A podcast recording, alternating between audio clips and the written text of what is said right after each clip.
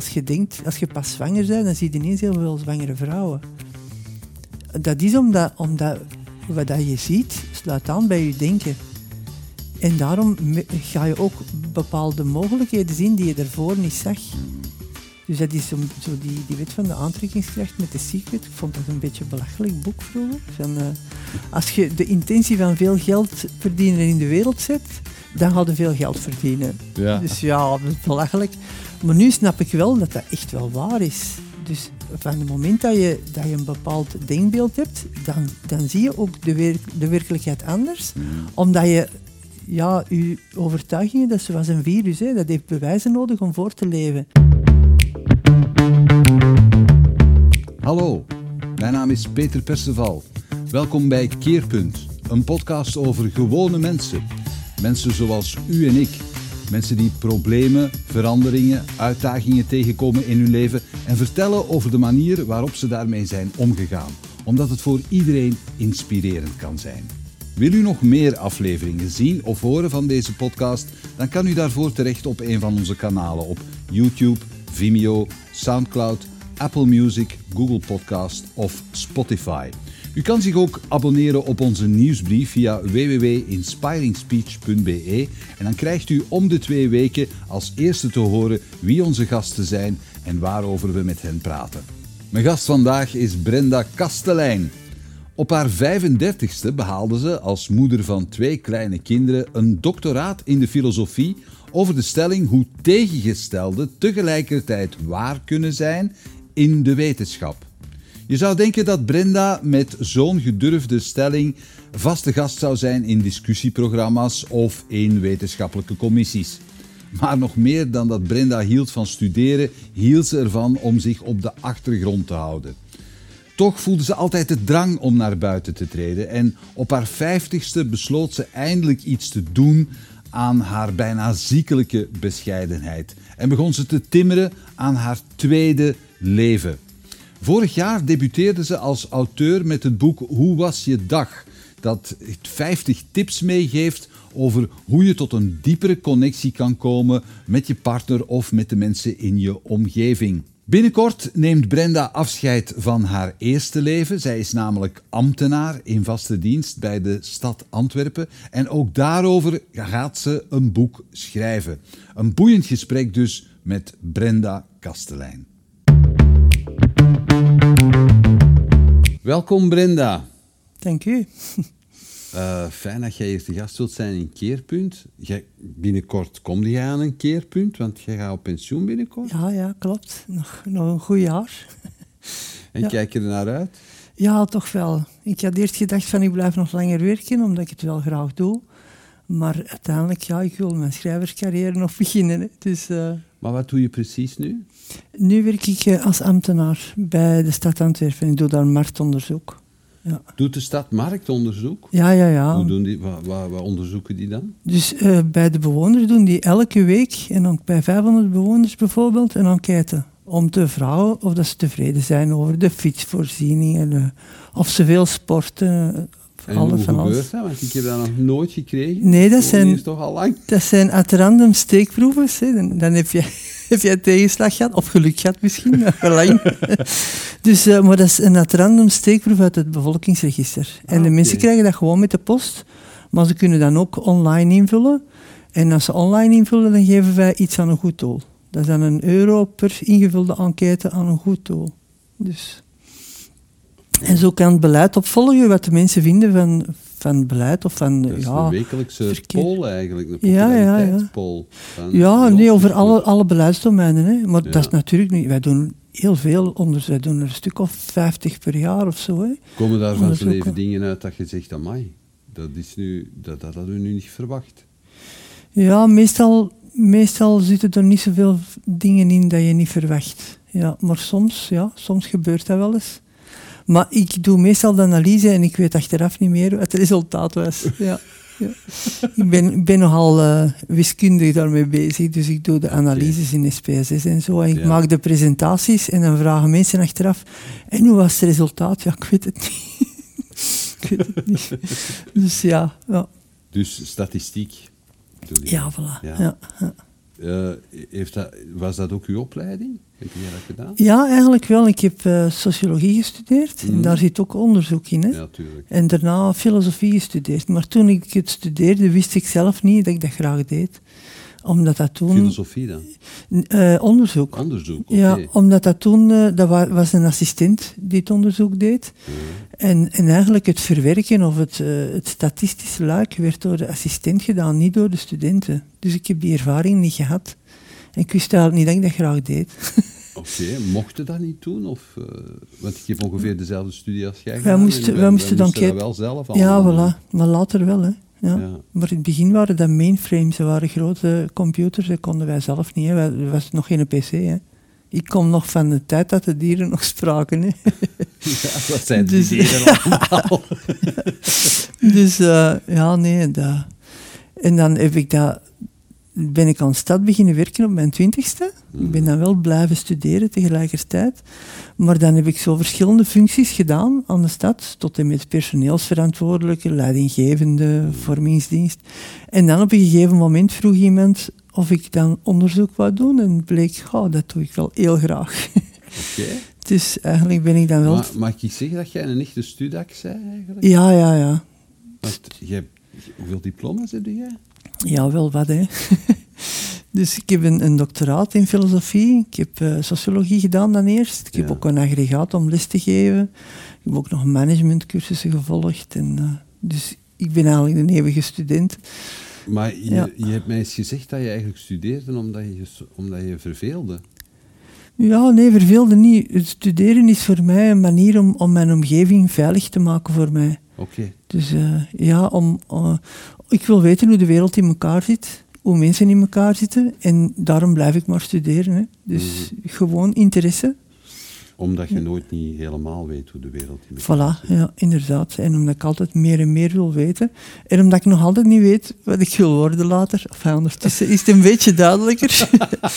maar ik ben blijven zoeken van, goh, ik heb nu dat gestudeerd, maar daar heb ik toch nog niet, ik was dan nog aan het werken als ambtenaar en nog niet wat ik graag deed. Dus ik bleef maar zoeken. Hè. Wat wil ik nu eigenlijk echt doen? Ik wilde zo'n passie vinden, zoals andere mensen hebben. Zo iemand die toneel speelt of ik weet niet. En ik, ja, ik leek dat niet te hebben. Het enige passie dat ik had was studeren, maar je moet wel daar iets mee doen natuurlijk. Hè. Met dat studeren, je kunt niet blijven eeuwige student. Enfin, ik heb dat wel gedaan. Hè. Maar als je dan, we gaan eens even terug hè, in je leven. Als je 16 was, Mhm. wat, wat was jij voor iemand? Wat was je voor, voor een meisje? Ja, ik was heel onzeker toen. Hè. Ik, Ja? ja, ik, eh, ik durfde, ik was een beetje de grijze muis, dacht ik zelf. Mhm. Ik, kon, ik was wel heel zeker wat betreft studeren. Ik wist dat ik kon studeren en ik kon ook een presentatie geven over een onderwerp dat ik had ingestudeerd. En als ik daar een platform voor had, dat lukte wel. Maar als ik in groep of zo iets moest vertellen of spontaan vanuit mezelf, had ik het heel moeilijk. Ik, eh, ik bewonder de mensen die zo heel spontaan hun ding kunnen vertellen. Of, of, of andere mensen van iets overtuigen of, of discussiëren. Ik was altijd heel stilletjes op de achtergrond. En zo zie ik mezelf ook als een stille grijze muis altijd Hoe, hoe, geweest. kwam, hoe, hoe kwam dat? wel? Hoe was het? eh, wa- was dat van thuis uit meegegeven? Nee, niet echt. Ik denk dat ik dat in de loop van mijn, van mijn schoolcarrière ontwikkeld heb. Dat ik een beetje bang was om, om afgewezen of gekwetst te worden of Had je dat meegemaakt dan? Ik ben wel een beetje gepest geweest in de, in de Majora. Omdat ik dan in het Waar lager... je dan? eh, onze lieve vrouw, bij de uniformschool. Ah, oké. Ja, dus in, de, in, in het lager heb ik daar geen last van gehad, maar dan naar een andere school te gaan, is dat wel zo stilletjes begonnen. En ja, dan worden ze wat timider. Ja, Mhm. en dat is wel wat gebleven. Dus eh, Ja. Wat, wat, wat, wat, me- wat moet ik mij voorstellen bij dat pesten? Ja, dan, dan vragen ze van, oh, dat is een mooi, dat is een mooie schoenen die gaan. En van, waar heb je die? En dan beginnen ze alles op te noemen. En dan een tijd besefte dat ze er gewoon een toorsleuren zijn. Oké. Ja, en dan zo oh, tegen, tegen u gaan zitten op de bank. En, en ja, echt. Mm. Omdat je er niet, omdat je nieuw was in je groep. Ja, omdat ik nieuw was en omdat ik waarschijnlijk nogal stilletjes was. Hè. Ja. Ja, in het begin manifesteer je toch niet als je pas ergens in een nieuwe school bent. Dus Nee. ja. Zeg Brenda, en eh, wat deden je vader en je moeder? Wat waren dat voor mensen? Ehm, mijn vader was politieagent en mijn moeder eh, die heeft gewoon, die was gewoon huisvrouw. Ja. Ja. Ja. En uw papa was politieagent. Ja, ja. Zei je dat nooit tegen je vader van, ik, er is iets niet goed op school? Nee, nee, ik heb dat nooit verteld. Nee. Hij kon het ook niet zien of zo? Nee, maar dat heeft ook niet zoveel lang geduurd hoor. Dus ik heb dat wel... Ja, ja, Je bent wel op die school gebleven? ja, ja. ja. Dus ja, dat, is, dat was wel in orde. Oké. Maar ondanks het feit dat ik een grijze muis was, had ik eigenlijk toen al wel dat ik zo mensen wilde inspireren. Want, want dat is wel hetgeen dat nu het laatste jaar in een, in een heel stroomversnelling is gekomen. Dat ik, dat ik mijn passie gevonden heb. Dat ik, dat ik ineens snel een uitgever voor mijn boek gevonden heb. En dat dat allemaal ineens is beginnen rollen. Mensen beginnen tegenkomen. Zoals ze zeggen in het boek van The Secret, hè, aantrekkingskracht. En dat ik dan eigenlijk ben beginnen denken, wat zijn de stapjes geweest die daartoe geleid hebben? Oké. En dat heb ik wel zo kunnen, kunnen traceren, wat dan die kleine stapjes geweest zijn. Wat was de eerste? Ehm, ja, de, eigenlijk het eerste inzicht dat ik had was eh, dat ik eigenlijk vroeger al mensen wilde inspireren. Maar dat was dan meer in kleine kring. Dus mijn gezin of mijn vriendin. Of eh, als ik iets geleerd had, dan wilde ik dat altijd delen met andere mensen. Ik heb zo mijn collega's leren mindmappen. En een vriendin die, die zo een beetje onzeker was op school, had ik dan zo'n talismannetje gegeven. Van, dat brengt geluk. En dat ik ook.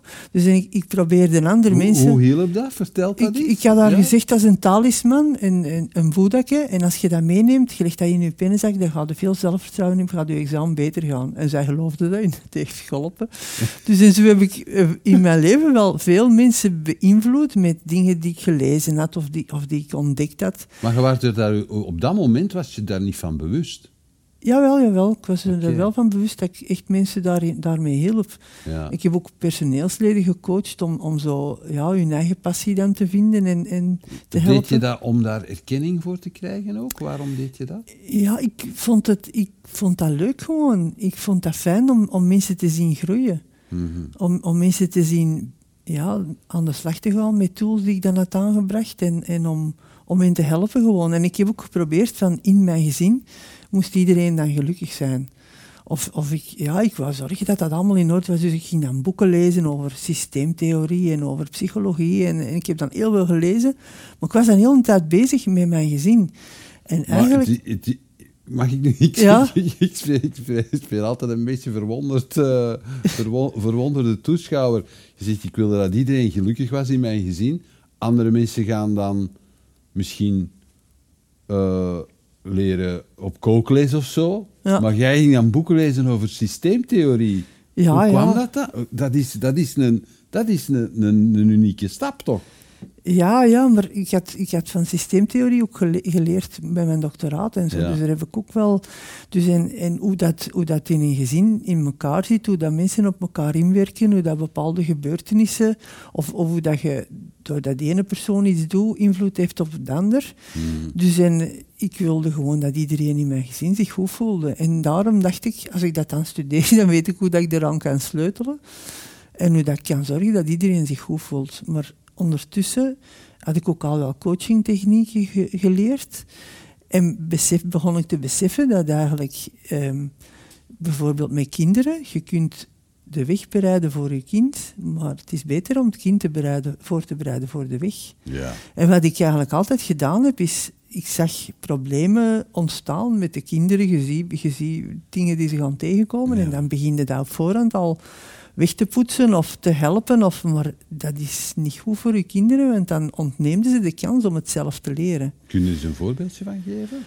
Eh, ja, gelijk, gelijk met studies. Hè. Dus eh, mijn zoon had soms, eh, die was soms niet, niet erg gemotiveerd, omdat hij me te snel snapte. En als het dan wat moeilijker ging, ja, dan, dan had hij geen, niet genoeg motivatie. Dus ik ging hem dat dan al op voorhand uitleggen of, of, of helpen. Waardoor, ja, soms moet je ook een beetje moeite doen of struggelen of, of, eens, of eens falen om het daarna te kunnen, te kunnen leren hoe dat je het moet doen. Maar als iemand nooit kan falen, leert het ook nooit. En dat was bijvoorbeeld met mijn zoon dan moeilijk, omdat hij dan eigenlijk altijd direct opgaf. Dus omdat ik denk van, ja, kan dat dan zeker niet? Nor- Normaal, de dingen kon hem altijd direct. En als er dan iets wat moeilijker is, ja, dan, dan had hij geen motivatie. Hè. Dus dan probeer, ik probeerde dan Ik mag veel te zeggen, veel... Brenda, dat jij wel hoogbegaafd bent, hè? Ik niet. Ik denk niet dat ik ook Nee? ben. Nee. Nee. nee, nee, dat denk ik niet. Is dat, dat is gewoon hard studeren. Ja, ik denk het wel. Ja. Oké? Ik heb, wel- ik heb wel goed eh, inzicht in structuren. Ik kan goed verbanden leggen en zo. Want ik, ik werk ook heel interdisciplinair. Mhm. Ik heb voor mijn doctoraat ook een combinatie tussen filosofie, wiskunde en al die dingen. Dus ik combineer veel dingen, maar ik denk niet dat ik hoogbegaafd ben. Ja. Oké. Je denkt het, je hebt niet laten onderzoeken. Nee, het ik interesseert u ook dat niet. interesseert me niet, nee. nee, dat, is, dat vind ik niet zo belangrijk. Ja. Nee. Ja. Maar als je, zo, als, je zo uw, uw, als je dan uw zoon ziet, die dan ook snel met dingen weg is, Ja. Ja. die heeft dat wel een beetje geërfd van u dan? Ja, dat is of van mijn man, hè. dat kan ook. Ja. Ja, die heeft ook zo'n brein. Ja, ja, ja, die heeft wel niet gestudeerd, maar ik kan daar wel goed mee praten. Dus, eh, Ja. ja. Ja. Ehm, ik heb het al gezegd, je hebt een doctoraat, je hebt twee doctoraten gemaakt? Eén, één. Eén, ah. Ja. Je hebt een, de- een doctoraat Filosofie. gemaakt. In, de, in de regel worden doctoraten gemaakt door mensen die een job krijgen aan de UNIF en die eh, gesubsidieerd worden of een beurs hebben van, van Ja, een ja. of ander fonds. Jij hebt dat op je eigen gedaan. ja, ja, maar ik heb wel een jaar op fonds gedaan ook. Ah, oké. Dus ik, ik ben beginnen studeren op mijn twintig. Eh, ik heb dan uiteindelijk begonnen met mijn doctoraat terwijl ik werkte. Mhm. Uh beginnen werken bedoel ik op mijn twintig en tegelijk studeren. Ehm, en dan heb ik op een gegeven moment eh, een jaar onbezoldigd verlof genomen om dan voor het NVO mijn doctoraat af te werken. Ah, oké. Dus, dus dat is wel een jaar geweest dat ik heb gehad. Ja. Nationaal Fonds voor Wetenschappelijk Onderzoek. ja, dat was een speciaal beurs. Dat als je dan verlof neemt, dan kon je gewoon je loon uitbetaald krijgen. Ik had ondertussen wel gezorgd dat ik een hoger loon had. dus dan was ik al wel een ingevende, ja. ja, ja. Maar ja, dat Hoe was oud was je dan? ehm, 30 of zo, denk ik. Ja. Maar wat, wat, wat beweegt iemand van 30 om te zeggen, en nu ga ik eens een doctoraat maken? ja, ik weet het niet. Dat, Je verveelde nu. ik, ik wou Want je eigenlijk... had al kinderen toen ook. Ja, ja, ik had al kinderen. Mijn zoon heeft trouwens de slides gepresenteerd op mijn doctoraat. Hoe oud was die toen? Die was een jaar of tien, denk ik, ja. Zoiets. dus dat was wel... Of zeven, ik weet het niet meer juist. Ja, ja. Kijk, grappig. ja. Ja. Dus, eh, ja, maar ja, dan, dus door dan het inzicht te hebben dat ik eigenlijk niet meer moest focussen op, op mijn omgeving, ben ik me beginnen focussen op mezelf. En ben ik in mijn eigen groeiproces eigenlijk begonnen. Maar hadden toen al een plan? Hadden, dat je zei van, Nee, ik- daar nee. wil ik naartoe groeien? Nee. Ja. Want tegenwoordig is dat zo. Worden, als je ergens in een bedrijf gaat werken, vraagt men u, wat is uw groeiplan? Ja, ja, ja, dat, ja, dat weet ik. Dat heb ik ook nog wel mee medewerkers gedaan. Zo, Ja. Een pop gemaakt, zo. Ja, Persoonlijk ontwikkelingsplan. ja. Ja, nee, nee, ik wou gewoon eigenlijk... Wat wilde ik toen? Ik wou geen grijze muis meer zijn, denk ik. Ik wou vinden wat ik graag deed. En dan ben ik die NLP-opleiding gaan volgen. En waar kwam dat vandaan? Hoe, hoe heb je met NLP kennis gemaakt? Ehm goh, dat weet ik niet. Dat kende ik al heel lang. En dat intrigeerde mij. Iedereen zegt als je NLP gevolgd hebt, dat je veranderd bent daarna. Mhm. En dat is ook wel. Ik denk dat eh, bijna de helft van de mensen die de opleiding NLP gevolgd hebben, zijn daarna van job veranderd. Wel, Ja? Ja. Dus, dus dat geeft... dat? Ja, omdat je dus veel inzicht krijgt in, in jezelf, hè? in je eigen functioneren en in je eigen... De, de denkbeelden die je functioneren bepalen. Even eh, een stapje achteruit voor de mensen die dat niet kennen. NLP, wat, wat is dat? Dus dat is een soort communicatiecursus, waarbij Mhm. dat je dus eh, vooral ontdekt eh, welke overtuigingen dat u, uw, uw handelen en uw omgeving bepalen. Hmm. U, Dus- van uw eigen, overtuigingen van uzelf. Van uzelf, ja. Want dan heb ik eigenlijk ontdekt dat dat niet de omgeving is die uw denken bepaalt. Zoals geleerd bij Karl Marx. Hè. Het zijn bepaalt het bewustzijn. Als je bijvoorbeeld eh, arm bent geboren, ja, dan ga je niet denken aan een verre reis, maar dan zijn al blij dat je, dat je gewoon dat zo kunt. Dus dat is het, het zijn bepaalt het denken, maar het is ook omgekeerd dat het denken het zijn bepaalt. En dat was wel een heel belangrijke voor mij. Want te denken, wat, wat dat je dus denkt, bepaalt de omgeving rond u. Dat is toch een rare. Mag ik, maar mag ik nu eens een filosofische vraag stellen? Ja, Nu dat je hier toch zit. ja. het, het, eh, het, eh, het denken wordt toch ook bepaald door het, door het zijn van eh, de generaties voor u. Ja, uiteraard, natuurlijk. Dus de denkbeelden die je nu hebt, wordt bepaald door je cultuur, door je opvoeding. Ja. Je hebt heel veel dingen mee dat je zelf niet beseft dat dat daarvan komt. Hè? Mhm. Dus ja. En in, in NLP is het zo dat je dat leert switchen of keren. Ja, je leert wat dat je vermogende en je beperkende overtuigingen zijn. En beperkende overtuigingen, dat is een overtuiging bijvoorbeeld van, goh, ik ga dat nooit kunnen. Of ik ben zo'n persoon niet. Of ik ben een grijze muis. Mhm. Maar is dat wel zo? Dus eigenlijk ga je dan die, die beperkende overtuigingen onderzoeken. En voor mij was dat bijvoorbeeld eh, een heel concrete situatie waar dat ik heb kunnen ontdekken hoe dat die overtuigingen de omgeving bepalen. En dat was, ja, als ik dat voorbeeld even kan vertellen. Zeker, zeker. Dus eh, voor marktonderzoek doen wij, doen wij soms teamvergaderingen, ik samen met mijn collega. En, eh, en dan, ja, dan leggen wij van alles uit. Maar ik ben dan meestal heel stil. Waarom? Omdat ik vertrek vanuit het idee van als ik iets zeg, moet ik wel zorgen dat het juist is. Want ik kan hier toch geen fouten als deskundige. hè. Met voor gevolg dat er mij nooit iets werd gevraagd achteraf. Als ze nog vragen hadden, dan werd, a- werd aan mijn collega de vraag gesteld, maar niet aan mij. En ik had zoiets van, allee, waarom vraagt niemand iets aan mij? En in NLP is er dan een manier om eh, te moddelen. Dat wil zeggen dat je iemand zoekt die een bepaalde vaardigheid al kent. En dat je dan gaat onderzoeken, wat zijn de denkbeelden die daarachter zitten. Ja. En dan heb ik aan een collega gevraagd die in een vergadering echt heel spontaan en zo is. Hoe, eh, hoe denk jij dan? En dan krijg je van NLP wel technieken om daarachter te komen. En het bleek, als zij een vergadering deelnam, dan bedacht ze altijd, ik wil een bijdrage leveren. En ja, dat kan zijn dat dat fout is, maar dat is niet erg. Die andere mensen kunnen daar dan misschien op voortgaan. En dan heb ik een bijdrage geleverd. En dan dacht ik, ja, in plaats van te denken, ik moet, ik moet geen fouten vertellen, kan ik dan misschien eens denken als vertrekpunt. En door met, met dat idee in een vergadering te zitten, gedroeg ik mij op een heel andere manier in die vergadering, waardoor mensen ineens zagen dat ik misschien ook wel iets te vertellen had.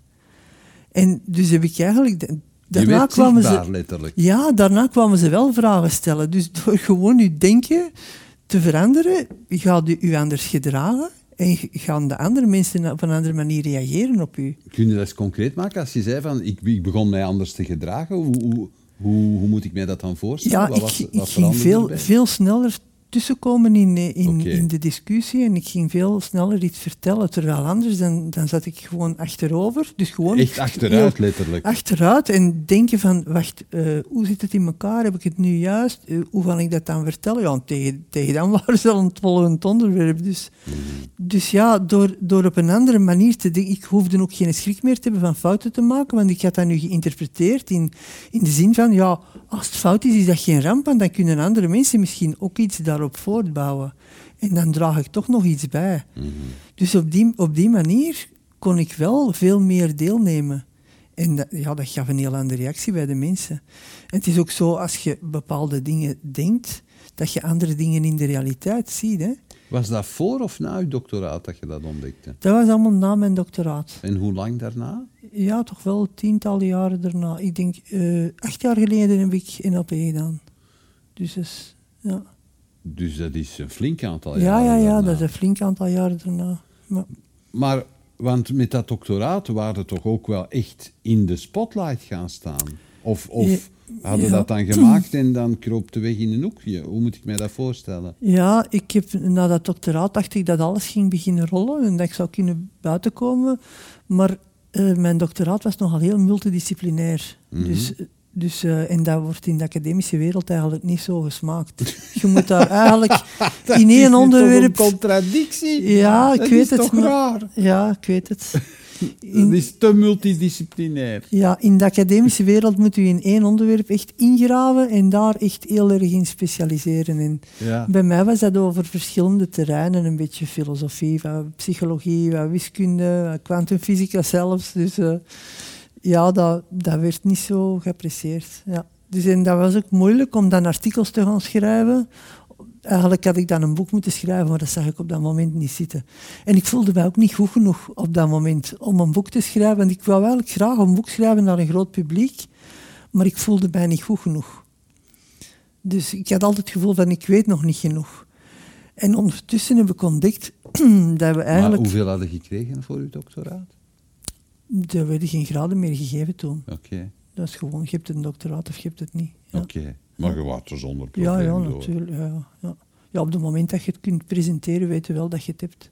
En uw promotor zei die dan niet van, amai, dat is knap gedaan? Of dat ja, is, tuurlijk. nam Maar die, nam- het was een moeilijk onderwerp om artikels over te schrijven, omdat het zo alomvattend is. wat was het onderwerp precies? complementariteit of kennistheoretisch eh, gebied. Dus eigenlijk ging het wel over dat wij door de wereld te kennen de wereld maken. Dus eigenlijk zat toen het idee er al in, door ons denken bepalen wij de realiteit. Maar ik had dat voor mezelf niet vertaald. Dat is pas later gekomen. Complementariteit in de kennistheorie. Ja, eigenlijk... En wie, wie, waar, waar vertrok je van? Wat was, wat was die hypothese dan? oh, mijn hypothese vertrok vanuit, vanuit tijd. Mhm. In de fysica is, is tijd omkeerbaar, kun je Ja. dat voor... Mhm. En in de realiteit kan dat niet. En ik dacht, ja, er is toch maar één werkelijkheid. Het kan toch niet zijn dat de fysica een ander soort tijd beschrijft dan hetgeen dat wij beleven. Er moet, er moet een overeenstemming in zijn. Mhm. Dus dan ben ik eigenlijk beginnen denken in termen van tegengestelde. Tegengestelde kunnen tegelijk waar zijn. En hoe kan dat dan? En dan zo een soort kennistheorie daar rond ontwikkeld. ehm, dat tegenstelde tegelijk wel kunnen zijn, maar op een ander niveau. Dus dat is de kennistheorie van Kastelein. Ja, ongeveer. Dus, eh, Maar die kost- is niet zo is- bekend. nee, nee, nee. Het is ondertussen ook al lang geleden, dus eh, ik zou er niet veel meer over kunnen vertellen, denk ik. Maar je zou dat toch kijken. Allee, je zou daar toch, je zou daar Ja, toch op de nacht- over kunnen op de dat blijft, nachtegrond- uiteindelijk blijft dat actueel, hè? Op de achtergrond speelt dat wel, speelt dat wel nog door. Ja. Dat er ooit wel iets van komt. Maar ik ben nu al blij dat ik gewoon eh, de moed heb gevonden om, om een boek te schrijven. Mhm. Om dat te durven aan een uitgever sturen.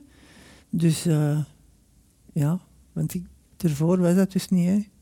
Altijd maar, eh, ja, denk je dat je niet goed genoeg bent. Hè? Je zat te wachten tot men u zou opmerken. Ja en nee, dat ook niet.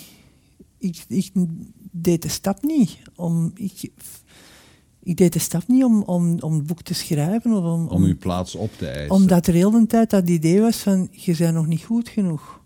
En dat blijft op de achtergrond sluimeren. En eens dat je beseft dat dat wel is, dat u die beperkende overtuiging weg is, vanaf dat moment begin je ook de werkelijkheid anders te zien. En dan, hè, dat is zoals als je denkt, als je pas zwanger bent, dan zie je ineens heel veel zwangere vrouwen. Dat is omdat, omdat wat dat je ziet, sluit aan bij je denken. En daarom ga je ook bepaalde mogelijkheden zien die je ervoor niet zag. Mhm. Dus dat is zo, zo die, die wet van de aantrekkingskracht met The Secret. Ik vond dat een beetje een belachelijk boek vroeger. Van, eh, als je de intentie van veel geld verdienen in de wereld zet, dan ga je veel geld verdienen. Ja. Dus ja, dat is belachelijk. Maar nu snap ik wel dat dat echt wel waar is. Dus van het moment dat je, dat je een bepaald denkbeeld hebt, dan, dan zie je ook de, werk- de werkelijkheid anders. Mhm. Omdat je, ja, je overtuigingen, dat is zoals een virus, hè, dat heeft bewijzen nodig om voor te leven. Dus je zoekt heel de tijd bewijzen voor die overtuiging. En als je heel de tijd denkt, ik ben een grijze muis, dan zie je heel de tijd de bevestiging dat je inderdaad een grijze muis bent. En eens ik die overtuiging had losgelaten, heb ik ook dingen gaan zien van vroeger, dat ik vroeger al niet zo'n grijze muis was. Maar ik, wist, ik zag het niet.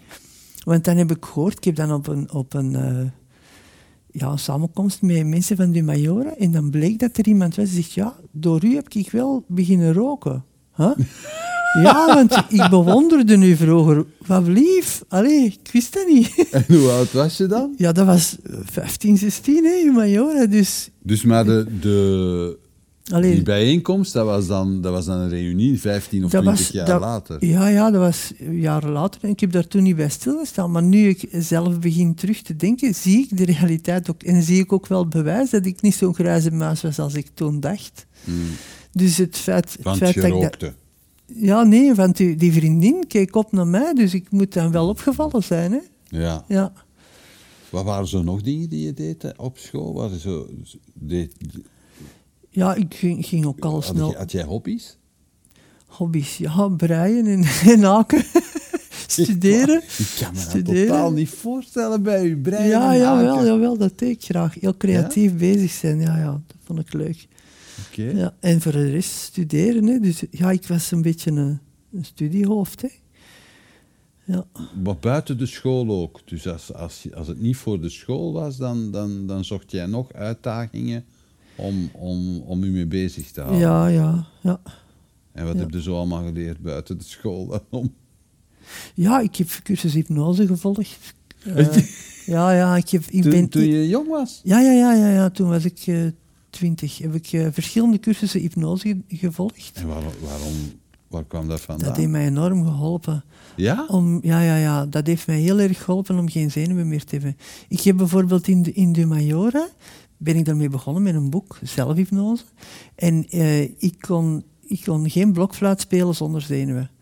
Dus ik, kon mijn ademhaling niet, dat Ja. ging niet. Dus, dus en dan heb ik die eh, zelfhypnose gebruikt om Hmm. die zenuwen onder controle te krijgen. En het laatste examen heb ik zonder zenuwen gespeeld door die zelfhypnose. Ja. En vanaf dan heb ik dat altijd beginnen gebruiken. Ik heb dat ook gebruikt voor mijn kinderen. Om ze gemakkelijker in slaap te brengen of zo. En eh, ja, ik heb dat... Je kinderen? Ja. Weten ze dat? dat, soms vroegen wilde gewoon verhaaltje of een speciaal verhaaltje. Een speciaal verhaaltje. Ja, ze vroegen dat zelf. Ja, ja. ja, dat waren eigenlijk de kinderen van mijn man bij wie ik dat deed. Ja, ja. ja en die hadden dan liever een speciaal verhaaltje, omdat ze dan zo stilletjes in slaap vielen. Hè. Ja. Oké. Dus, eh, ja, ik heb daar heel, heel, heel veel baat bij gehad. En eh, nu, na lange omzwervingen, ben ik dan terug wel bezig met hypnose, maar dan via het platform van Mind Valley. Ja. Dus dat vind ik wel heel geweldig met Michael Beckwith. Want zo het manifesteren van je dromen, zo gelijk de secret, van je, je zet iets in intentie in de wereld, is maar het tweede niveau. Er zijn nog niveaus die daarna komen waar ik nu mee bezig ben. En dat je, eens dat je beseft dat je eigenlijk dat, dat groeien, dat betekent niet dingen erbij brengen, hè. Hmm. dingen toevoegen, zoals meer studeren en zo. Dat betekent gewoon eruit halen wat er al in zit. Dus ik had niet moeten wachten tot ik al die studies gedaan had. Er zit gewoon iets in u dat naar buiten wil komen. En eens dat je dat gevonden hebt, komt de rest vanzelf. Hmm. En dan... Dus, Wanneer, kun, van, wanneer kan jij zeggen dat je dat gevonden had? Ja, want je hebt die, die cursus NLP, dat was dan, ja, eh, dat was dan eh, toen, hoe, hoe oud was je dan? dat was acht jaar geleden. Hè. Ja, dus dat is nog niet zo heel lang geleden. Oké. Ja. En dan heb ik wel wat voordrachten gaan geven. Dus eh, om de grijze muis, een beetje afscheid te nemen van die grijze muis. Ik ben wat voordrachten gaan geven, ik ben een blog begonnen. Maar ja, die voordrachten geven, ik vond dat dan moeilijk om mezelf te verkopen. In de zin van mensen naar je voordracht krijgen. En dat vind ik heel moeilijk om jezelf te verkopen. Maar het is je Dat job. Ja, Je ja. zit op de marketing van de stad. ja maar ja, ik doe de analyses. Hè. Ja. Ja, je ziet Ja. toch ook wel wat er Ja, ik weet het, ik weet het. Maar ik, ik vind het heel gemakkelijk. Ik heb bijvoorbeeld heel erg reclame gemaakt. Die is ooit voor een cursus Enneagram. ik, heb er dan, ik was er zo enthousiast over dat ik dat tegen iedereen vertelde. En dan heb ik de volgende keer heel de cursus volgezet met allemaal mensen die ik kende.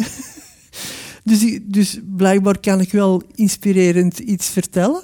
Maar als dat dan over mezelf gaat, dan denk ik, oh nee, misschien is dat dan toch niet, toch niet interessant genoeg. Of misschien is het te saai. Of, of, ja, dat is, dat is toch nog iets waar ik aan moet werken. Het is zelfs zo, over mijn boek die ik dan geschreven heb, de laatste keer dat jij erover vertelde, van ja, ik ging dan ook wandelen en zo, dat ik dacht van, maar die vindt die echt goed. Je dacht dat ik dat voor te zeven ja, en dan dacht van, ja, maar ja, die, die heeft mij gecoacht, dus natuurlijk moet hij mijn boek goed vinden. dus ja, ik betrap mezelf er nog regelmatig op dat ik toch nog die beperkende overtuiging, dat dat toch nog elke keer terugkomt, dat dat, dat, dat toch nog een proces is dat, dat blijft eigenlijk, ja. We gaan dadelijk over uw boek spreken, maar ik ben toch nog nieuwsgierig. Wat heb je dan allemaal voor cursussen gedaan? Want dat is echt een hele lijst. Je ziet dan hè, hypnose, enneagram, NLP. Wat, wat, is, wat zit er nog ja, ja, allemaal ja. bij? Nee, nee, dan, denk, ik heb nog eh, coachingcursussen gevolgd, waarin dat ik dan geleerd heb ja, dat, dat mensen niet altijd zitten te wachten om gecoacht te worden. Dat je eraf moet blijven. Dus ik ga nu wel mensen inspireren, maar niet meer zeggen van je moet, je moet dat zo doen. Want, ja. Ja. dus, dus dat wel. Maar ik denk dat we ja, dan NLP, Enneagram, met Enneagram leer je ook jezelf heel goed kennen. Hè? Je beperkingen en zo. Ehm, ik denk dat het dat wel ongeveer is. Maar ja, heel veel gelezen ook, hè. Alles, alles gelezen. Ik, ik kwam dikwijls naar huis met tien boeken en dan al die inzichten. Ik vond dat geweldig en iedereen moest dat dan altijd wel in mijn gezin ook horen. Wat vonden ze daarvan? Ja, of ik wilde, ja, ik wilde dat dan verkopen om- of, of doorgeven. Hè. Als ik een inzicht heb gevonden en dat is geweldig, ja, dan andere mensen zijn daar ook iets mee, maar ik besef soms niet dat andere mensen er niet op zitten te wachten. Dus eh, ja, ik wil dat dan delen. Hè. Maar ze de- hadden die ervaring ook in uw gezin? Dat, mensen, dat soms zei ze, ja, zie, moeder, zitten daar weer met je boeken. Nee, in mijn gezin, dat, ja, dat valt wel mee. Maar met vrienden soms, als je, als je ziet dat, dat bepaalde vrienden en die hebben een probleem of die, die... En jij ziet dat als buitenstaander wel. En dan wilden die mensen helpen, maar misschien zijn die er nog niet aan toe of zo. Ja. Dus, eh, en dat is iets je- dat je met coachen, de mensen moeten zelf de stap zetten natuurlijk. Je kunt wel inspireren, is iets aangeven, maar daar moet het ook bij stoppen. Hè? Ik heb soms zo een vriendin gehad dat ik dan te veel wilde pushen. En dan, dan vinden die mensen dat niet tof en dat mag ook niet. Dat is niet, dat is niet respectvol zijn. Hè? Allee, Ja, je kunt Dus, het maar ja, ik- ik vond dat dan- maar je kunt het ja, niet dwingen om te drinken. Inderdaad. Maar ik vond dat dan soms spijtig, omdat ik dan de oplossing wel... Ik dacht van, ja, als die zus of zo of zo doe, dan is het opgelost. Maar ja, dat is niet, hè. Mensen moeten zelf dat vinden, hè. Ja. Oké. Ehm, wanneer is bij u die klik gekomen om te zeggen van, ik ga nu eens een boek schrijven?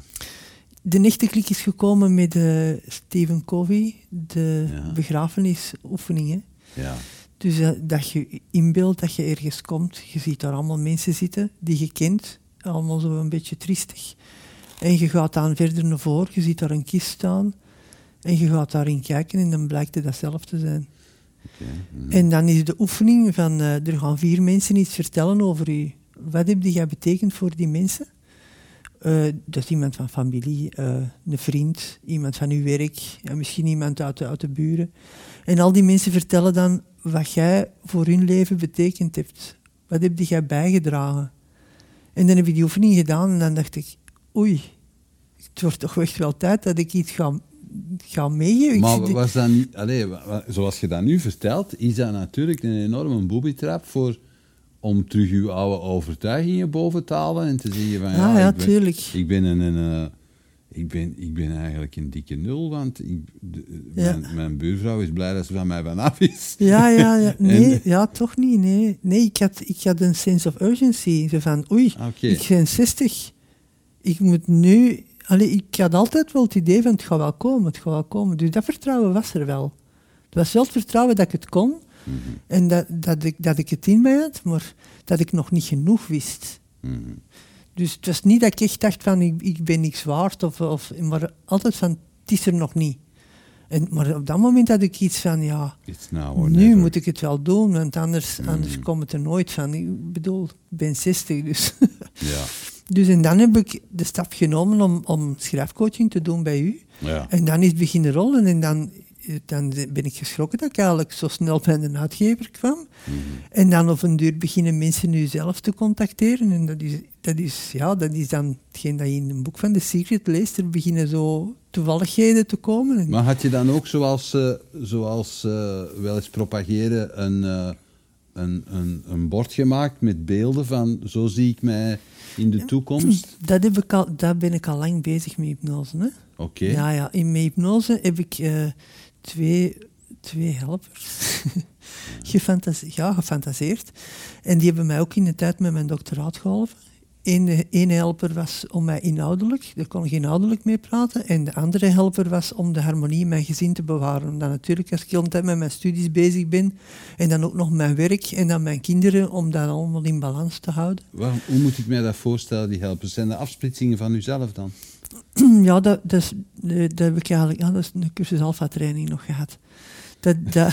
Je wordt me al vergeten. ja, dat was ik vergeten. Dat doen ze ook bij Mindvalley nu. Dus, dus dat is tijdens hypnose, ehm, gaat, het, gaat er dan een deur open en daar staat dan iemand en dan, dan zie je die persoon. En ik zie dat als een soort, dat is eigenlijk mijn onderbewuste, waar ik dan mee praat. Dus dat is eigenlijk gewoon praten tegen jezelf eigenlijk. Hè? Ja. Dus maar nu weet ik eigenlijk niet waarom ik daarover vertel.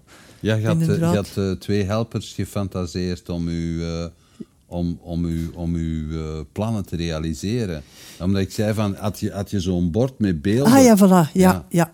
En dus, dus niet alleen dat, maar ik heb ook heel mijn omgeving dan gevisualiseerd van eh, hoe ziet dat eruit. Dat is met een balustrade en daar is een, een, een strand. En, en dan heb ik daar ook een studiekamer waar dat mijn boeken staan.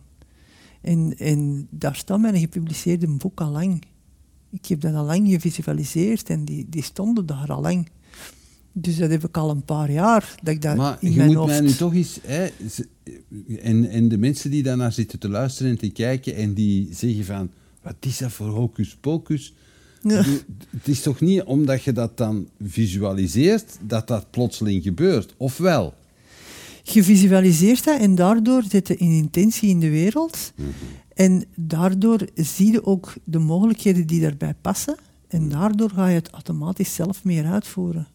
Dus de, de, de acties worden vanzelfsprekend Ja, eigenlijk. ja, ja. Mhm. Dus de acties die eruit voortvloeien gaan... Uw, uw aandacht is erop gefocust ook. Hè. Vandaar, gelijk ik gezegd had, van die zwangere vrouw. Mhm. Je, ziet, je ziet dingen, je gaat ook dan die mogelijkheden tegenkomen, omdat uw aandacht daarop gericht is. Die mogelijkheden waren er ervoor al, want ik denk, ze zeggen, dan gaan er coïncidenties zijn en zo. Ik denk dat niet. Ik denk dat die er ook al waren ervoor. Maar je zag ze alleen maar niet. Dus wa- ze hebben zo bijvoorbeeld eens een experiment gedaan met gelukkige mensen en, en ongelukkige mensen. En de mensen, dus het experiment was, we gaan ze door een winkelcentrum sturen Ja. en er ligt geld verstopt. En de groep mensen die zichzelf als de gelukkige zagen, die vonden al dat geld. En dan hebben ze de, geluk, de ongeluksmensen erdoor gestuurd, die hebben niks gezien. Ja, je zult nu zeggen, ja, dat geld was al weg van die gelukkigen. Nee, ze hadden die wel teruggelegd. Dus, maar, en het is zelfs zo, dat is achteraf, er waren wel mensen bij, die ongelukkigen, die zo precies een dollarbiljet hadden gezien, maar die zo tegen zich zeiden, oh, dat zal wel niet zijn. Dus die dat dan herinterpreteren. Ja. Dus, dus het- wat dat je denkt bepaalt wat dat je ziet en daardoor zul je ook die mogelijkheden wel of niet zien. En als ik al een hele tijd in een boek gevisualiseerd heb, dan, dan ben ik daarop gefocust en is mijn aandacht daarop gericht en ga ik veel meer de dingen zien en tegenkomen en acties doen die aansluiten bij dat doel. En daardoor ga je dat sneller in de wereld zetten. Maar je kunt ook, zonder het te weten, een verkeerdspoor nemen. Want je, had, je hebt twee boeken geschreven eigenlijk. Ja, dat hè? klopt. Ja. En dus je had een, je had een boek gemaakt, Ja. losweg gebaseerd op Ja. uw doctoraat. Ja. hè? Ja, het eerste boek was dat, maar de intentie was anders. De Ja? intentie van mijn eerste boek was, ik wil een boek schrijven. ja, maar... eh, Dat, en, ja, Dat en was de- niet genoeg. Ja, nee, dan, ik denk niet dat dat aanslaat bij, bij, bij wie dat ik ben of wat dat mijn doel is. Hmm. Mijn doel is, ik wil mensen inspireren, ik wil iets aan mensen geven. En als dat daarbij aansluit, dan komt dat vanzelf. Mhm. En dan, dan, is dat, dan is dat naar buiten brengen wat er al zit. Dat is hetgeen dat Michael Beckwith ook zegt. Groei betekent naar buiten brengen wat er al in u zit. Mhm. En ik denk in mij zit van dingen die ik heb geleerd of die ik heb tegengekomen aan andere mensen delen, dat vind ik interessant. En als mijn doel daarmee in lijn ligt, dan gaat al de rest veel meer. Maar en dan dat was bij dat eerste manuscript minder dan bij dat tweede. bij dat eerste was meer een soort, een soort ego-ding van ik wil nu eens eindelijk met een boek schrijven en ik wil naar buiten komen. Ik wou eigenlijk gewoon naar buiten komen en, en bekendheid krijgen. Of, of, ja, ik- en ik had dan een onderwerp gekozen dat mij ligt, omdat ik dacht, als ik van dat onderwerp vertrek, dan motiveert dat mij omdat ik dat wil weten hoe dat in elkaar zit. En ik heb gewoon gezocht hoe dat onderwerp in elkaar zit en dat, dat ging geschreven. over grenzen. Hè? dat ging over grenzen, ja. ja. Ja, ik heb het gelezen. Ik Ja. vind het fantastisch boeiend. ja. Maar wel eh, Ja, het is een, echt een, heel omvattende menselijke, een heel omvattende theorie van het menselijke wezen. Ja, inderdaad. Ja. Het was eigenlijk, eigenlijk een zoektocht voor mezelf om te weten hoe zit dat Ja. in elkaar, hoe werkt dat met grenzen, omdat ik weet dat ik zelf naar mijn kinderen toe misschien niet de goede grenzen heb, ge- of te, ve- te weinig grenzen heb gegeven, Mhm. waardoor ze niet genoeg vaardigheden hebben ontwikkeld. En ik wilde weten, wat kun, wat kun je nu allemaal tegenkomen als je foute grenzen hebt. Maar waren dan ergens het proces, uw eigen proces aan het maken als je dat aan het schrijven was? Dat heb ik mij dikwijls afgevraagd. Nee, ik wil gewoon inzicht in het onderwerp. Inzicht op zich is al, is al een doel. Hè. Mhm. Dus Ja. sommige mensen misschien niet, maar bij mij is dat echt een doel. Inzicht Ja. krijgen in iets. Ik wil gewoon inzicht. En eens ik dat inzicht heb, dat dan delen. Maar het doel was meer inzicht hebben. Mm. En, en dan bijkomend, en dan kan ik naar buiten komen met een boek. Maar dat is iets anders dan, ik wil iets aan mensen geven. En, en, dat, en dat was met het tweede boek wel meer. Ja, dat tweede Ja. boek, eigenlijk is dat een merkwaardig verhaal, want je bent dat beginnen schrijven omdat je niks anders te doen had. Ja, ik ben dat in, in corona. In, in dat eerste boek was dan af. Ik was aan het wachten op de uitgever. En dan Je, je had wel een uitgever gevonden. Ja, ik had mijn boek laten lezen door eh, eh, Peter Ober, een bekende psycholoog. En die vond het heel goed, dus die had het aan eh, een uitgever aangeraden. En daar lag het te wachten. Oké. Ja. Dus en in afwachting verveelde ik mij inderdaad. En was het ook corona. Dus dan eh, konden wij bijvoorbeeld niet op café gaan, ik en mijn man.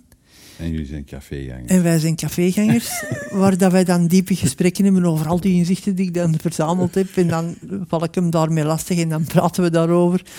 Maar met corona was het café dicht en konden wij niet meer praten. dus ik dacht, dan doen we dat je kon dat niet thuis doen dan? Nee, dat lukte niet. Dus, dus dan gingen wij wandelen. Hè. En dan dachten we, doen Maar dat... waarom lukte dat niet? Dat vind ik niet... fa- Dat, is nu, dat heb ik me nu altijd afgevraagd. Ja, ja, ik weet het niet. Wij, wij bleven maar van, ja, welke winkel was hier vroeger en, en, en de huizen. En dan hadden we zoiets van, waarover gaan we het nu dan hebben? Ik weet niet.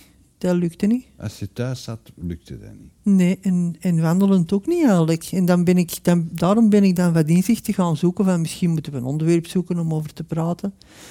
Maar andere mensen denken op zo'n moment misschien... Jezus Christus, wij zijn echt op elkaar uitgekeken. Ja, ja, wij dat hebben niks meer tegen elkaar te zeggen. Maar jij ging gewoon studeren. Jij zei gewoon van... Ja, ik ben, ben onderwerpen gaan... Ja, ik vond het ook wel geen leuk idee van te denken, we zijn uitgepraat. We hebben altijd heel goed kunnen praten. Oké. Dus we zijn 30 jaar getrouwd. Dus ja, maar de laatste tijd ging dat, ging dat wat moeilijker. En ik wist niet, kwam dat nu door, doordat we niet op café kwamen of doordat we, ik weet het niet. Dus dan ben ik gaan zoeken naar die onderwerpen. En dan heb ik zo'n twee wandelingen uitgeschreven. En dacht ik van, oh, misschien vinden andere mensen dat ook nog wel interessant. En voilà, dan heb ik die... Ja, Maar mag ik nog eens even terug naar dat café gebeuren? ja. Als je dan op café zat, had er dan ook dat soort filosofische gesprekken? Of had je, ging dat over andere dingen dan? Meestal ging dat wel over, over de, kind, de kinderen of, of dingen die we mee... Maar na een tijd gingen we toch wat dieper. Maar meestal was dat wel na twee of drie glazen wijn. Ik vroeg mij af of dat, dat misschien daardoor kwam. Dat we dan wat dieper konden praten. Dus dat kan, hè. Ja. Ja, maar en je had... eh, de, waren dan, als je aan die wandelingen begon, dan nam een flesje wijn mee? Of wat? Nee, toch. Ja, misschien was dat het probleem waarom dat niet lukte. Ik weet het niet. Ja. Dus Zo ja. wijn in een drinkbus. Zo. Ja, onderweg zitten Ja. picoleren. Nu, ondertussen doen wij de wandelingen terug gewoon, eh, gewoon thuis. wij zijn geen wandelmensen, wij doen dat niet graag wandelen. Nee, maar ja, Ja. want dat was... Dat, allee, ik heb dan... Je hebt mij op een gegeven moment heb je mij het manuscript gestuurd, of een stuk van het manuscript gestuurd. ja. Het was toen nog maar de helft. En ja. ik vond dat echt onmiddellijk fascinerend eigenlijk. ja, Omdat je inderdaad... Waar, waar, hoe had je die vragen en die, die dingen bij elkaar gepuzzeld? Waar, waar kwam dat vandaan? ja, mijn boekenkast gaan kijken, hè. Ja. Dus even, voor de mensen die het nog niet kennen en die het zeker moeten lezen, het is een fantastisch boekje. Leg eens uit hoe het in elkaar zit. Dus, eh, elk, dus het bestaat uit 50 wandelingen. En dat zijn elke keer 50 onderwerpen of technieken. Het kan een psychologische, filosofische techniek of een creatieve techniek zijn. Om te praten tijdens het wandelen. Dus Ja. of op café te praten, dat kan ook. Maar het dient eigenlijk als ehm, eh, intro om je gesprekken wat dieper te maken. Dus bijvoor- bijvoorbeeld, ik doe dat marktonderzoek. En in marktonderzoek is het soms zaak om te weten waarom mensen een bepaald product kopen. Mhm. En waarom doen ze dat? En ze weten dat zelf niet. Dus dan krijgen ze technieken om dat te weten te komen. En die technieken bijvoorbeeld gebruik ik ook in mijn wandelingen. Dus dan gebruik je associaties om te weten van... goh, eh, een voorbeeld denk je... eh, wat, zijn, wat zijn dingen die ik graag nog zou willen doen of zo. Of, of wat associeerde met, met bepaalde dingen. En dan, of waarom ga ik sporten of zo. En eh, door een associatie kun je dan beter weten wat die motivatie is. Mhm.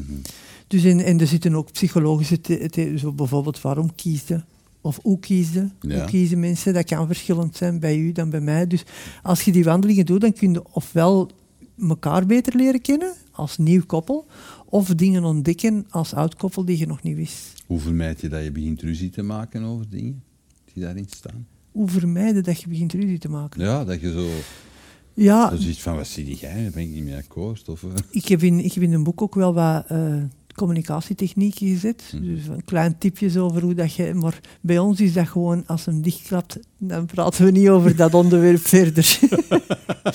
dus eh, ja. Nu, het is ook wel natuurlijk, als je wandelt, heb je, bij mijn man is dat ook, je hebt dan een wijs uitzicht. En bij sommige mensen is dat psychologisch wel een hulp. ja. Omdat ze dan zich wat vrijer voelen. Mhm. Terwijl als je zo bij elkaar zit en ook oogcontact hebt, dan is dat soms moeilijker om dingen te vertellen. Dus dat is wel een voordeel om het al wandelend te doen. Ja. Ik heb het afgelopen kerst Ah ja? ge, ge, ge- gedaan met mijn, eh, met mijn eigen familie en met mijn, mijn broer, die er ook bij was. Ah ja. ah. En wij hebben over één vraag met z'n allen hebben wij een gesprek gehad van, denk dat dat vier uur en een half heeft Oh, geduurd. serieus? ja, dat wou ik nog zeggen. Je kunt ze zo lang of zo kort doen als je wilt. Dat Ja. was dus aan de, aan de kersttafel. En dat Ah, was echt een, een boeiend gesprek. Ah ja. En welke wandeling was dat dan? Weet je dat nog? Eh, het ging over wat heb je... ehm, wat, wat vind je van jezelf dat je gerealiseerd hebt Ah ja. hè, Ja. eh, het afgelopen jaar? En wat zou je het, het komende jaar willen eh, wensen voor jezelf Ah en ja, voor ja. anderen? Ja, ja, ja. Ja. Ik heb nu onlangs de wandeling gedaan in een ouderlingentehuis. Ja, Maar dat was wel moeilijker. ja, dus eh, er is eh, iemand die, die lesgeeft op de Plantijn Hogeschool en die daar ook werkt. En zij wil de wandelingen gebruiken om de bewoners en hun verzorgers eh, te, te laten praten met elkaar. Mhm. En ze had mij gevraagd om dan eens een, een lezing te geven. Ik heb dat gedaan. En nu was er een terugkomdag om zo met de mensen eens een wandeling te doen. En dat waren dan zes bejaarde mensen. Maar ja, dat is een verschillend niveau. Ze waren wel allemaal hooggeschoold, maar er is er één bij die echt heel doof is. Er is er een andere die een beetje, toch mentaal een beetje achter. Dus dan is dat wel moeilijk. En de- het onderwerp was, hoe ben je echt jezelf? Dus en een van de vragen was dan, eh, wat deed je graag als kind? Hè? En een van die vrouwen dan, ja, maar hoe oud is dat kind dan? Ja, eigenlijk maakt dat niet uit. Wat deed je gewoon graag als kind? En dan daarna, wat waren hun beroepen? En dus om dan te weten, van, hebben wij ook gedaan wie dat we echt waren? Was dat onze passie of, of werd ons leven geleid door iemand anders? En bij de, bij de nabespreking, helemaal op het einde, was er nog een mevrouw die dan ineens kwam. Die, zegt, die had verteld dat ze altijd graag moedertje speelde. En later in haar leven was ze een verzorgende geworden. En helemaal op het einde, want het was al helemaal gedaan, vertelde ze... Ah, jammer, ik wilde graag stewardess worden. Dus had dan toch het onderwerp van, van de conversatie begrepen, maar een beetje later. Dus ik weet nu, ze hebben mij nu gevraagd om terug te komen, omdat dat voor de mensen wel fijn is. Maar dat ik de volgende keer toch ja, wat trager en Ja, ja, dat duurt wat eer dat die. Dus dat is een speciale doelgroep. Maar ik vind dat ook wel heel fijn, want normaal hadden er misschien ook bezoekers bij geweest, maar dat ging nu niet met corona. Maar brengt me, dat is toch een idee van dat je het ook intergenerationeel gaat inzetten? Ja, dat je zegt tuurlijk. van, Maar je kunt dat eh, met iedereen doen. Hè. Je kunt ook werknemers met elkaar of een baas met zijn werknemer. Je kunt, je kunt de wandelingen door iedereen laten, ge- laten gebruiken. Ja. ben je ook van plan om er echt workshops eh, rond te geven? ja, dat zou wel kunnen, ja. Mhm. ja. Daar ben ik, ben ik wel aan het denken. Nu, op korte termijn ben ik aan het denken van gewoon eens met wat mensen te gaan wandelen. Mhm. Gewoon mensen die er zin in hebben. Want het is natuurlijk niet omdat je maar een klein groepje bij elkaar hebt, moeten niet altijd grote massa's zijn. Hè?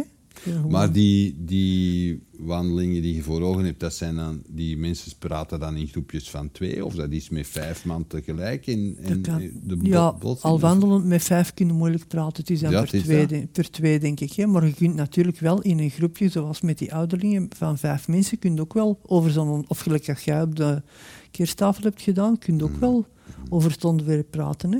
Ja. Ja. Dus... eh, Ja.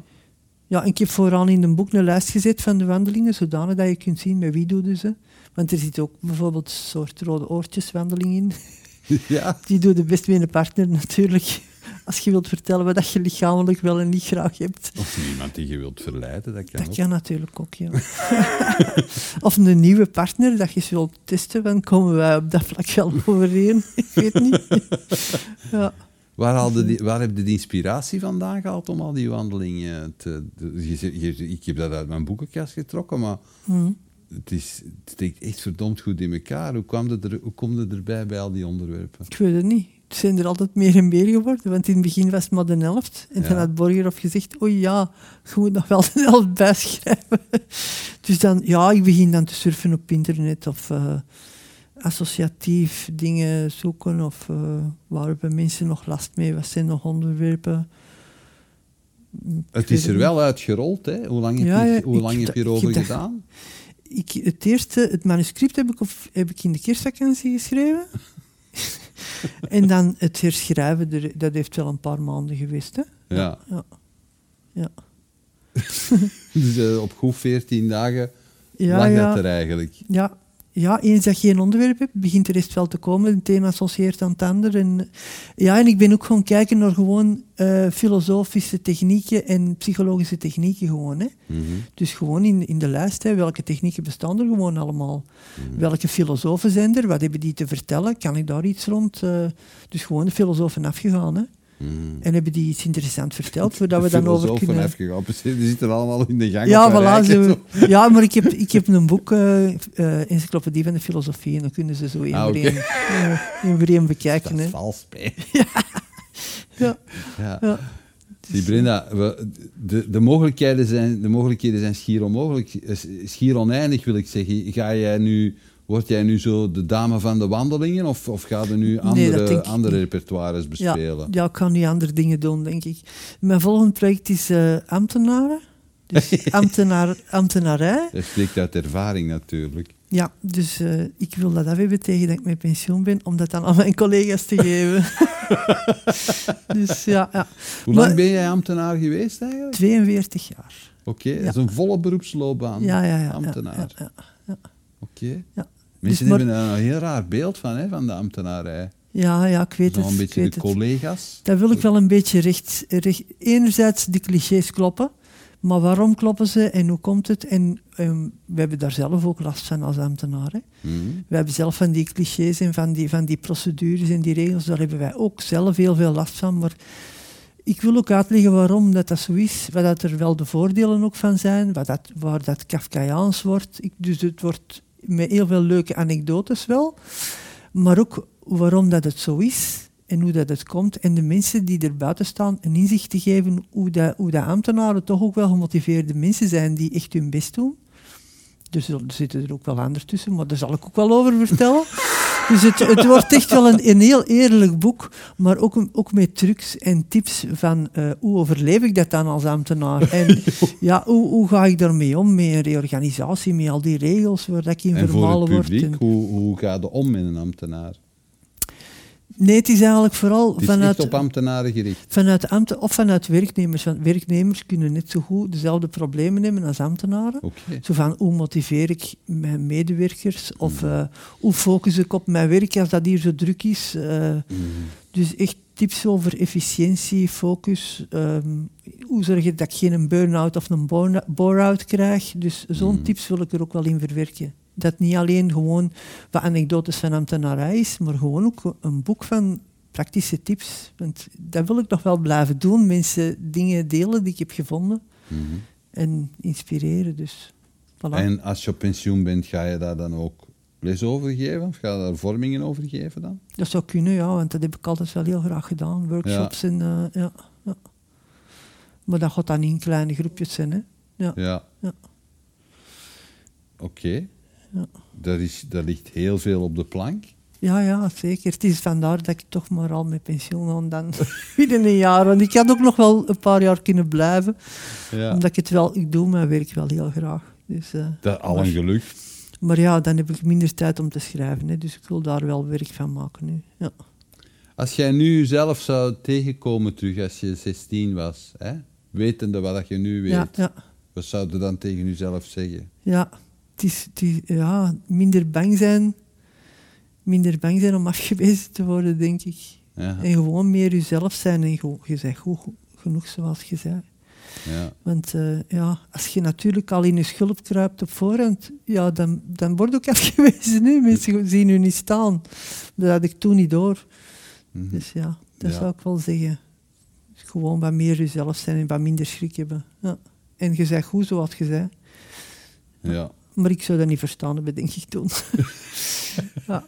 Je had die inzichten nog niet. Dus je hebt die inzichten echt nodig. Ja, Je hebt die levenslessen, je hebt dat pad echt nodig Ja, om ja, dat te kunnen ja. snappen eigenlijk. ja, ja ja. inderdaad. Ja. Oké. Brenna, mag ik zeggen dat jij eigenlijk een hele droge komiek bent ook? Ja. ja, mijn collega zei dat verleden keer ook en ik verstond niet wat ze ermee bedoelde. Nee, omdat je, je, je, je, je komt heel serieus binnen. Hè? en Je, hebt, je, hebt, je weet gewoon ook heel veel. Ja, Maar je vertelt dat soms met zo tong in cheek, van, ja. met, met, met, een, met een knipoog, dat het, eh, dat het echt grappig wordt. Allee, dat is Ja. goed. Ja, Dus eh, alleen al daarom, hè, omdat dat ook in uw boek reflecteert, in uw wandelboek, ehm, alleen al daarom moet iedereen dat lezen, denk ik. Ja. Ja. Dus ik kijk enorm uit naar uw eh, boek over de ambtenarij. ja. Die nog schrijven, hè. Ja, maar ja, twee weken en dat ligt. nee, ik denk dat dit wel langer gaat duren. ja, ja. Oké. Eh, dan, eh, wa- wanneer denk je dat het klaar is? Ja, het moet af zijn tegen mei 2023. Hè. Dus dat moet gepubliceerd zijn. De, de dag dat je op pensioen gaat? Ja, ja. dan kan ik het op mijn afscheid aan mijn collega's. eh, Ja. ja. Oké, goed. Ja. We wensen het u toe. Kijk je er naar uit. Dank u. En bedankt voor het gesprek. Het was heel aangenaam. Bedankt dat je keek naar deze aflevering van Keerpunt. Wil je op de hoogte blijven van nieuwe afleveringen en nieuwe interessante gasten? Abonneer je dan op onze nieuwsbrief via www.inspiringspeech.be. Iedere twee weken brengen wij een nieuwe aflevering online op inspiringspeech.be, YouTube, Vimeo en Soundcloud. Tot ziens.